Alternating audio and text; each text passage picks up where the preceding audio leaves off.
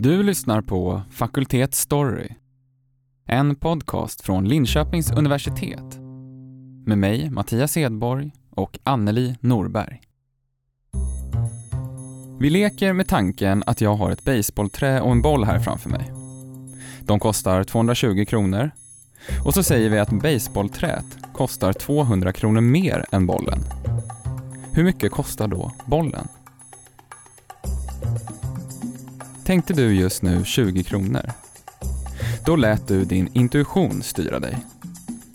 Det var det första som dök upp i huvudet, jag tar det och sen går jag vidare med mitt liv.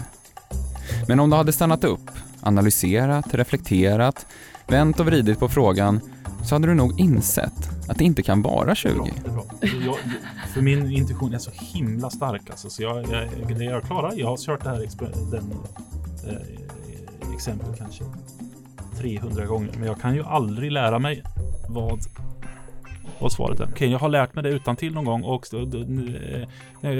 bollen är värd kostar 110 kronor och då kostar den 5 kronor men, men det intuitiva svaret är 10 kronor. Så, så måste jag tänka. Men vad eh, tänker du då? Vad tänker du tänker, intuitivt? Jag, jag, tänker intuitivt givetvis att det kostar 10, eller fast nu var det 20 i ditt fall. Ja. Mm. Eh, jag tänkte jag skulle busa till det. Mm, ja, precis. Och det, jag blir kortslutning. Dessutom blir jag så, så himla nervös för att svara fel på den frågan så att jag kan liksom inte ens tänka kring, eh, kring eh, det. Gustav Tinghög biträdande professor i beteendeekonomi vid Linköpings universitet. Gustavs forskning handlar om våra två tankesystem, alltså vår intuition och vårt analytiska tänkande, hur de interagerar när vi ställs inför uppgifter som ska lösas eller när vi fattar beslut i vår vardag. Mitt syfte här som, som forskare på Linköpings universitet är ju, jag tänker att jag har ett modest syfte och det är att jag vill ju faktiskt bidra till att vi någonstans fattar bättre beslut genom att vi kan förstå våra mekanismer som, som, som styr vårt beslutsfattande och vår psykologi. Och det är relevant för, för alla typer av vetenskaper som sysslar med, med eh, människor. Att gå på känsla, det spar tid. Det ger oss en bra helhetsbild. Att i varje situation överväga, analysera, att ta hänsyn till flera olika parametrar det gör vi inte. Det tar helt enkelt för mycket energi.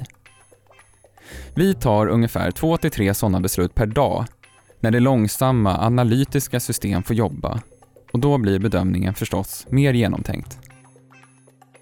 Är något sätt bättre än det andra? Är vissa mer analytiska än andra och är intuitiva personer mer riskbenägna? Och har vi så bra koll, som vi vill tro, på vad som egentligen styr oss? Den här typen av frågor intresserar Gustav.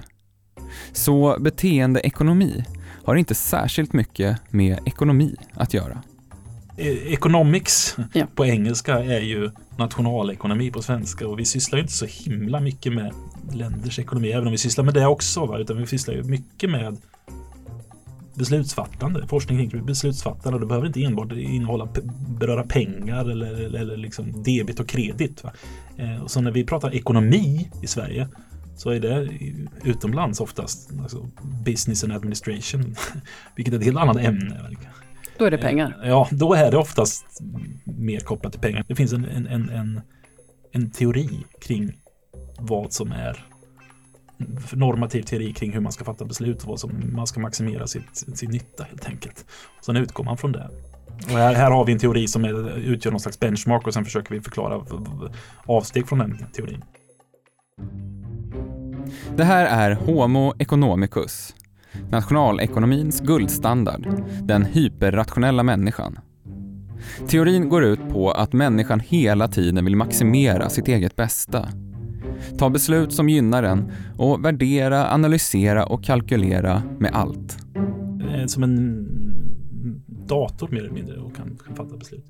Eh, och så fattar vi inte beslut. Vi, vi kan inte springa runt och, och, vara analytiska eller väga för och nackdelar kring alla beslut vi fattar för det skulle inte vi orka. Eh, utan vi påverkas av känslor, vi påverkas av eh, impulser och och vi har absolut inte full kapacitet att kunna räkna ut eh, sannolikheter eller eh, vad som ska ske i framtiden och så vidare. Vi har inte full information heller. Vi är inte så rationella som vi tror alltså. Varje person eh, varierar ju, går ju mellan att vara vad vi kallar för homo heuristicus, det vill säga att man har tumregler, mentala tumregler som man fattar beslut. Eh, eller vad, kalkylera för, för och nackdelar och göra ett, ett eh, noggrant övervägt beslut. Eller vad vi ibland kallar för homo ignorans, att vi väljer att liksom bara bortse från alla beslut för att vi tycker det är jobbigt med ny information. Vi skiftar vem vi är i olika situationer. Men vissa av oss är kanske mer eller mindre av homo ignorans, homo rusticus eller homo economicus. Eh, så, så, på så sätt, men ingen är ju enbart det ena eller andra. Till exempel, jag vill inte ha massa information och sånt där. Jag undviker den, trots att jag vet att den mår bra av den. Eh, jag vill inte öppna mejlet för det ligger massa skit där. Va? Eh, men jag vet också att om hade jag hade varit homo economicus så hade jag öppnat mejlen, rätt ut alla problem som ligger där så hade jag mått mycket bättre. Men jag skiter i det. Och sen är ju inte alla på det viset. Va? Eh, det finns ju stora individuella skillnader i, i, i hur vi hur vi agerar. Men det finns ju också vissa saker och ting som är generellt. Va? Att vi, vi, vi reagerar mer emotionellt på, på, på förluster jämfört med motsvarande vinster och sådana här saker. Så det finns ju vissa saker som är, som är universella. Eh, det betyder inte att det alltid är så, men det finns vissa saker och ting som, som eh, där vi systematiskt inte agerar så som man ska förvänta sig som en ekonom. De flesta är rätt medvetna om att de inte är så himla bra på att fatta beslut. Vilket gör det ännu mer förbryllande kan jag tycka. Ehm, men, men absolut, så här, att våra känslor påverkar vi fattar beslut. Det tror jag att vi, det, vi tenderar att glömma bort det. Alltså när jag går och handlar mat och jag är hungrig, va? då plockar jag på mig massa eh, skitmat som jag inte ska köpa. Eh, och sen så sitter jag där va? och jag har glömt bort varje gång hur det blir när jag går och handlar när jag är hungrig. Eh, och det är samma sak hur vi beter oss när någon sårar oss eller någonting. Vi tror att vi ska då eh, bete oss normalt som vi gör när vi är i vårt kalla tillstånd så att säga. Men det, men det är aldrig så. Vi lär oss inte alltså att våra känslor påverkar oss på ett speciellt sätt. Och det är samma sak, jag lär mig inte att jag fattar konstiga eller konstiga, att är annorlunda beslut när jag är hungrig eller när jag är trött eller någonting. Jag tror att jag har kontroll över mina känslor, men det har jag inte. Finns den här Homo economicus egentligen? Ja. Känner du, känner du någon? Nej men så här är det väl att alla är väl lite homo economicus. Man ska inte döda homo economicus. Va? Så vi är ju, om vi tittar på så här på en marknad exempelvis, jag håller på att buda på hus nu. Det är inte så att jag inte agerar som en homo economicus när jag försöker köpa hus. Jag, jag tänker inte så här, jag ska slänga in hundratusen extra så att köparen blir, får lite, lite extra guld på kanten. Utan jag tänker jag ska få det här huset till absolut lägsta pris och och så. så absolut beter vi oss. Och jag försöker maximera min, eh, mitt, mitt välmående genom att välja absolut den snabbaste vägen till, till jobbet och så vidare. Så i många fall så beter vi oss ju som homo economicus, men inte alltid. Och eh, det, det beteendeekonomi går ut på, det handlar ju om att vi ska hitta när är det så att vi på, på, på eh, systematiska sätt inte beter oss som homo economicus. Det räcker inte med att vi ibland beter oss lite lattjo. För det, det, utan är det så att vi, att vi systematiskt gör, beter oss på ett sätt som, som, som inte är rationellt. Det är det det handlar om med beteendeekonomi. Men möter du aldrig människor som, som tror att de är förnuftiga, rationella och konsekventa? Rationellt är ju ett himla svårt begrepp också. Ja, jag brukar alltid säga till mina studenter att uh, ge, ge, fan, ge tusan i det begreppet. För vad är det som är rationellt? Det kan betyda många olika saker inom många olika discipliner. Alltså den allra vidaste eh, tolkningen är, är att vi har skäl till att vi faktiskt fattar de beslut som vi, som vi fattar. Och det har vi aldrig, alltid, nä, nästan alltid. Eh, Förnuftigt? Ja, vem, vem beslutar det? Vad som är förnuftigt. Vad använder du för begrepp? Det, det, ekonomer använder oftast eh, någon slags eh, att, att ens beslut är konsekventa. Att man, man liksom inte bara för att nu har vi två eh, kaffekoppar här framför oss som ni alla ser. Den ena är liten och den andra är stor. Och när jag, när jag går och köper eh, kaffe då köper jag alltid den, den lilla. Ja. Men till exempel om jag, de lägger till en ny kaffekopp som är den, en tredje storlek som är äh, eh, störst av de här. Då kanske jag kommer gå på den mellersta. Va? Det kommer alltså mina preferenser, min vilja för vilken storlek på kaffe kommer skiftas bara för att de lagt till ett tredje alternativ. Det är ett typiskt exempel på irrationellt beteende eftersom mitt beslut ska ju vara konsekvent oavsett vad, vad det tredje alternativet är, är om, det, eller om det existerar eller inte. Men du som är expert på beteendeekonomi och hur du ska strukturellt bete dig, hur, hur, hur gör du då när du budar på ditt hus? Det är kul det här när vi ska buda på hus för min, min sambo. Hon är lite homo economicus. Jädrar i vad det, det, ska kollas om det läcker i badkar och eh, vad, vad, om det finns lagfarter och eh, tusan hans moster. Jag tycker att det känns bra, då kör vi. Det, mm. det blir nog bra.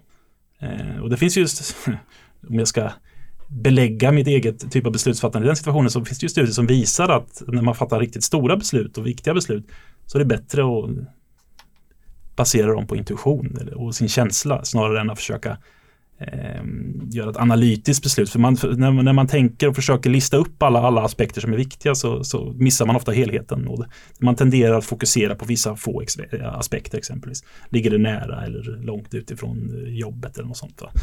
Men när man baserar på känsla tenderar man att få, få med saker och ting som man har svårt att sätta siffror och nummer på. Och brukar inte de där för och emot-listorna faktiskt ofta ibland konstrueras? Man säger att oj, oj, nu är det lite, lite mer där på den sidan, då fyller jag på lite grann. Så, så att de, jo, så, så absolut. Så gör jag. Mina, listor, mina, list, mina för och emot-listor kan se ut så här. Allting talar för den ena sidan, men eh, då hjälper jag den andra. Ja, och det, det, är precis vad man kan kalla för motiverat tänkande. vi tror att vi baserar våra, våra beslut på, på eh, argument, men ofta så kommer vi på argumenten efter vi fattat beslut snarare. Och det är väl också en sak som strider mot vad vi ska kalla homo economicus eller den rationella människan. Det här är Beslutsbotanikerna, en podcast som Gustav gör tillsammans med sin forskarkollega Daniel Westfjell och producenten Olle Borg politisk het debatt fråga just nu. Och ofta tänker jag att, jag vill bara koppla, ofta tänker jag att, att det är vi pratar ju mycket om fake news och, och sådär, att det, det, det, de som är dåliga på att, att, tolka information och som eh, har motivated reasoning är ju framförallt då eh, personer som är kanske Sverigedemokrater eller, eller folk som, som, som är emot, eh, som inte tror på, på eh, klimathotet. Men det är ju faktum är, och det visar ju den här studien också, att alla är precis lika eh, känsliga för motivated reasoning. Vi tolkar informationen fel fast åt olika håll och gör det lika mycket ja. oberoende var vi är på det politiska spektrat. Ja. Det är ett viktigt resultat. Att det drivs inte bara av en speciell grupp. Nej, men för ibland så känns det som att vi, vissa grupper tror att de är lite immuna mot, eh, mm. mot det. Och det är man ju inte. Nej. Eller egentligen så tror väl alla att de är immuna mot det på något vis. Wow. Jag tror på det jag vill tro eftersom jag mår bra av det. Inte för att det nödvändigtvis är sant. Det är väl den, den korta konkreta betydelsen av det. Att jag satte på mig den här eh, skjortan idag det, det, det baseras inte på att jag tyckte den var snygg i morse utan men nu när jag sitter här så tycker jag att den är snygg. det var ett riktigt uselt exempel men nu fattar Varför tog du skjortan? Eh, Linne? Sval? Ja. Riktigt mycket grejer i, i tvättkorgen. Ont om kläder. Precis som du säger, sval, nytvättad. Ändå lite lite proper eftersom jag ska träffa dig idag, men, inte, men kanske inte tillräckligt. Ja. Lite cool. Jag tror att den här skjortan var eh, väldigt dyr. Och det kan också påverka. Jag tänker jag ska träffa människor idag. Jag sätter på mig en tröja, eller den här skjortan och den är rätt dyr så då måste den ju vara snygg också. Ja. Men ja, bara för att se hur vi tänker. Ja, det finns ju ingen logik i det. Nej, men den gick hem. Ja.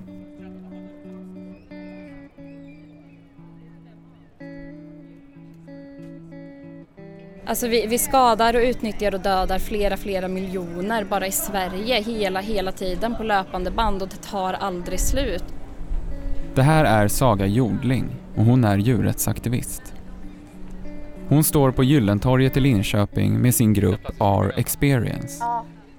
R står för Animal Reality Exposed.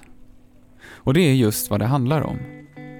Att exponera, visa upp, skaka om.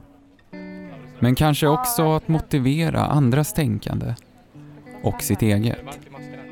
Eh, ja, det är väldigt varmt. I skuggan under ett träd står fyra personer, maskerade med djurhuvuden. Tysta och stilla med varsin laptop i famnen. Och så slaktbilderna. Har ätit mycket vegetariskt under eh, uppväxten och sådär fast absolut inte av etiska skäl utan av hälsoskäl. Så det var bara för min egen skull från början. Men så såg jag en dokumentär då, Earthlings. Det var 2005 som dokumentären kom. Den är amerikansk och handlar om hur människan använder djur som husdjur, som mat och som kläder. För mig då så var det bara över natten att jag kan inte köpa kläder med djur och mer än det, jag måste bli aktivist liksom. Jag kan inte bara inte bidra till det här, jag måste göra någonting mot det också. Ute på stan ser man ganska ofta Saga och hennes R-experience. Sådana här manifestationer gör de några gånger i månaden. Alltså vi är vanliga privatpersoner så, alltså djurrättsaktivister och ja, alla som är här idag är veganer. Eh, och så har vi bara samlats då eh, via den här Facebookgruppen eh, som heter R. Eh, och så gör vi en sån här R-experience som vi kallar det, där vi står med skyltar och masker och visar klipp ifrån djurindustrierna och pratar med folk som går förbi och sådär. Och hur reagerar de som går förbi? Det är ju inte så att alla som stannar här blir veganer bara för att de har sett de här klippen men det, får, alltså det normaliserar ändå på något sätt att det är okej att tänka så. Vi får ofta sådana reaktioner som att ja men det här har jag inte tänkt på till exempel. Sen kommer det ju enstaka så här ungdomsgäng och skriker kött är gött eller sådär men eh, ja det är, det är inte jätteofta ändå som någon stannar och så här genuint argumenterar emot. Är det inte. Nej, det är väldigt ovanligt. Känner du igen det? Ja, eller jag tänker, det var lite så jag tänkte om, om hela den här grejen med veganism. Att, ja, men jag vet att det händer något hemskt där men om jag ignorerar det och inte tittar på det så behöver jag inte typ följa den moraliska kompassen som det leder in mig på liksom. Vi står ju här och visar skärmar med, med videoklipp och sådär från djurindustrierna och det är ju bilder på när djur liksom slaktas och plågas och skadas och det är ju inte så ofta någon stannar och, och tittar på det ordentligt och känner att jo men fan det här är okej. Det här står jag för. Men samtidigt så tar vi beslut kanske tre, fyra gånger om dagen som gör så att det fortsätter hända men vi ser det inte och man blir så distanserad på något sätt då. Det är som att det är, det, är kossor i hagen och det är jättefint och sen så är det ett färdiginplastat eh, köttpaket i affären men vad som händer däremellan försöker man att inte tänka på. Jag tror att de allra flesta känner väldigt starkt emot till exempel djurplågeri eller att djur far illa. Och man har en, alltså naturligt, det ligger något mänskligt i att ha en ganska stark empati och sådär men ni är ändå i minoritet. Vad tror du det beror på? Som du säger, de flesta identifierar sig nog kanske som djurvänner. Eh, frågan då är ju, är det djur man älskar eller är det de djuren som vi har lärt att man är psykopat om man skadar eller alltså, tycker man om alla djur? Eh, för i min värld så blir det ganska motsägelsefullt att säga att jag bryr mig om djuren, jag är djurvän, jag, jag brinner för att hjälpa djur eller ta hand om djur men jag äter döda djur tre gånger om dagen. Sen förstår jag att, att man tänker så, jag har också gjort det. Man, man blir som sagt inbaggad i det här för att det är det alla andra säger och alla andra gör och då, då är det inte lustigt att man köper det, tänker jag. Så du tänker att det har, alltså det har mycket med konformitet att göra egentligen, alltså att man, man gör som andra gör? Ja, alltså vana och tradition och man gör som man blir lärd. Det tror jag. Det tror jag. Men just det här liksom eh, att lösa den konflikten som borde uppstå i en Mm. som djurvän som ändå stödjer den här industrin. Du kan ju egentligen bara spekulera. Vad, vad personer kanske känner. eh, Jag tänker det är en stor del av vardagen för många. Det är liksom vad ska vi äta, skriva recept, gå och handla, hur ska vi tänka med, med ungarna när vi åker iväg och det är liksom många delar som man behöver tänka om. Och, alltså själv tyckte jag inte att, att det är jobbigt nu, det, det är en omställning liksom. Men jag tror att folk är rätt rädda för att behöva ändra för mycket i sitt liv och i sin vardag. Men du hamnar i någon diskussion, det lät nästan lite religiöst där ni pratade om. Ja, eh, den personen uppgav att hon var eh, kristen eh, och att Gud hade skapat djuren för att människorna skulle kunna äta dem och inte som egna individer. Och då tyckte hon ju att det gällde vissa djur då, de som vi slaktar i Sverige är okej att döda, de är till för att äta men inte de andra som kanske hundar och katter. Och... Men så pratar vi om Kina och Julin och alltså Asien där man kanske äter hundar och katter. Vad tyckte hon om det då? Hon tyckte att det var helt okej om det var deras tradition men att vi i i-länder inte skulle bete oss så ungefär. Eh, ja.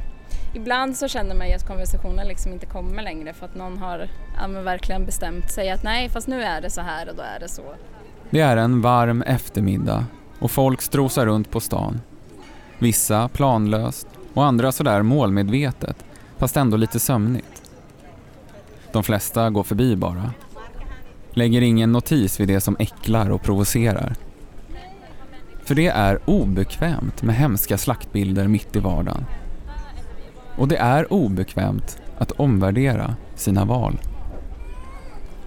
Finns det någon dimension att du står här för lite grann för din egen skull? Eller är det bara för att alltså, göra en praktisk skillnad eller vad man ska säga? Mm. Till viss del så är det klart att det är för min skull. I stort sett allting som människor gör finns ju ego egoism i. Det tror jag i alla fall. Det känns bra att hjälpa, det känns bra att göra någonting och känna att man är en del av någonting större och att man gör skillnad. Alltså det, på det sättet kan det ju vara egoistiskt att hjälpa en annan människa också för man mår ju bättre själv av det. Så på så sätt så finns det ego egoistiska delar i det men jag, mestadels nej. Alltså jag skulle inte stå här och typ tvinga mig själv att vara okej med att prata med folk på stan i min egen stad och dela ut flyers och få höra saker skrikna åt mig eller sådär. Jag skulle inte göra det frivilligt om det inte fanns något djupare syfte i det. Nej. Men de skriker åt det ibland det händer? Ja, ja det händer. Ja, så är det. Nej men som sagt ofta är det typ kött är gött eller bacon, jag ska grilla ikväll. Det kan man ju tolka som att man gör det lite lätt för sig att inte riktigt ta in den informationen. Ja, ja för, för samtidigt så är det svårt att tänka, alltså, vilken förälder skulle kunna säga till ett barn eh, att nej men de här personerna tycker det är fel att vi dödar djur så därför står de här för att säga det. Vilken reaktion skulle man kunna få från barnen då förutom att ja fast det är ju fel såklart. och vad ska man svara då om man själv bidrar till det? Det är väl det kanske. Mm. Ja, du nämnde ju själv begreppet eh, kognitiv dissonans. Ja, ja, precis. Men jag tror det är det och jag kan tänka tillbaka att det var det för mig också. Som sagt, man visste att det var någonting men man, om man inte kollar upp det så behöver man inte veta heller. Har man en gång sett det så har man sett det för alltid. Liksom. Saga Jordling. Och det var Olle Borg som intervjuade. Vad är skillnaden egentligen mellan motiverat tänkande och bara gamla vanliga fördomar? Ja, Sådana där som vi alla har. Vi har ju fördomar hela tiden, precis som vi har motiverat tänkande hela tiden. Eh, inte hela tiden, men ofta. Eh, det handlar inte så mycket om, om, om hur vi tolkar information. Jag har fördomar kring dig bara för att jag ser dig. Inte av någon annan anledning. Nej, för att jag påminner om någon ja. eller någonting. Ja, det är en mm. sån här mediamänniska så, så att jag har fördomar om att du... Mm, prata med händerna och sådär. Ja, ja precis. Det, det, är en fördom. Och sen om det råkar vara så att du inte gör det så. Men nu kanske om jag går härifrån och säger fy fasiken vad hon pratar med händerna. Så kan det vara ett exempel på motiverat tänkande. Så skulle jag säga. Va? Eh, men fördomar har vi ju kring allting. Eh, och det, går, det måste man ha lite grann, tyvärr. För annars klarar vi inte heller ut vardagen. Eh, eller tyvärr tyvärr, men, men oftast är ju våra fördomar rätt också. Det ska man inte säga. Ofta tänker man att våra fördomar är fel, så är det ju väldigt sällan. Det viktiga är väl att, att, man, att när man upptäcker att ens fördomar inte stämmer, att man reviderar dem.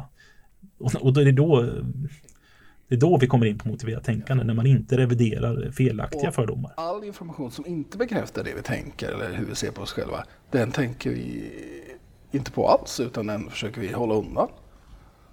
Ja. Som till, alltså, klassiskt exempel är att rökare tar inte till sig de här hemska bilderna på cigarettpaket och informationen som är därför att det hotar deras beteende. Det är väldigt jobbigt. Därför kan man köpa sådana här.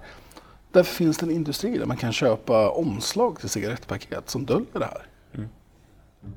Vi kan inte springa runt och, och, vara analytiska eller väga för och nackdelar kring alla beslut vi fattar för det skulle inte vi orka jag brukar säga att jag fattar kanske två, tre beslut om dagen. Eh, där jag väger för och nackdelar. Eh, och jag försöker på ett riktigt eh, djupt sätt. Va? Vill, och, och, man kan lägga dem på olika saker. Till exempel man kan fundera djupt och länge på vilken mat man ska äta. Va? Det kräver energi. Så ofta så skiter jag i att göra den typen av avvägningar. Jag äter någonting som är, som är det jag brukar äta. Va? Så slipper jag hålla på så så är det att de, de här tumreglerna vi använder är ofta bra. Eh, de, de, det är inte så att de kommer av ingenting utan vi har ofta programmerat upp vår intuition för att fatta bra beslut. Ens eh, kognitiva förmåga stannar ju av där strax innan 20-årsåldern eller något sånt där. Va? Jag tror till och med tidigare än så, men sen går den ju bara utför. Men, men, vi blir ofta bättre beslutsfattare med åldern va? eftersom vår intuition blir bättre. Vi har varit med om situationer förut så vi har bra tumregler att falla tillbaka på. Och tittar man på idrott exempelvis så nu är vi i Norrköping här, man kan ju bli tokig va, på, på de här lite yngre spelarna som, som går in och, och tar felbeslut. Va? De är ju skitduktiga fotbollsspelare, de är snabbare och de är kvickare och bättre teknik än de äldre. Men de äldre är mycket bättre va? för de fattar inte de typerna av, av intuitiva felbeslut. Va? Eh, och det har ju med ja, varför sätter man de här gamlingarna i backlinjen? Jo, det är för de, de, de, de har bättre intuition kring hur man ska bete sig. Intuitiva felbeslut, ja. Och rätt person på rätt position passar även in på samhället i stort. Vi omges av fake news varje dag i nyheter och på våra sociala medier. Vi uppmanas att vara källkritiska, för det kan bli farligt om folk tror på det de vill tro på och faktiskt inte på det som är sant. Och vi skapar identiteter runt det vi tror på. Ja, varje dag måste vi ta beslut välja sida om vad som är rätt och fel i både stora och små frågor. De bästa studierna som jag har gjort och gör, och de grundar ju sig i att jag känner igen någonting i mig själv eller i min vardag som jag tycker är intressant och som jag tycker är märkligt. Och sen försöker jag testa det genom ett, ett experiment där vi ser hur, om vi kan isolera mekanismer. Det handlar ju om hur fattar vi beslut och, och vad är det som driver vårt beteende? Hur kan vi förstå det och hur kan vi påverka det? Gustav Tinghög, biträdande professor i beteendeekonomi på Linköpings universitet. Jaha, och hur blev det då med det här huset kanske du undrar? Blev det något köp? Nej, de la sig i budgivningen. Och Gustav skriver i ett mejl. Min sambo gillade inte mäklaren. Ett högst irrationellt argument. Och ja, jag vill ju bara vinna budgivningen för att jag ogillar att förlora. Inte så rationellt det heller. Du har lyssnat på Fakultet Story, en forskningspodd från Linköpings universitet. Gjord av mig, Mattias Edborg och Anneli Norberg. Tack för att du har lyssnat. Vi hörs!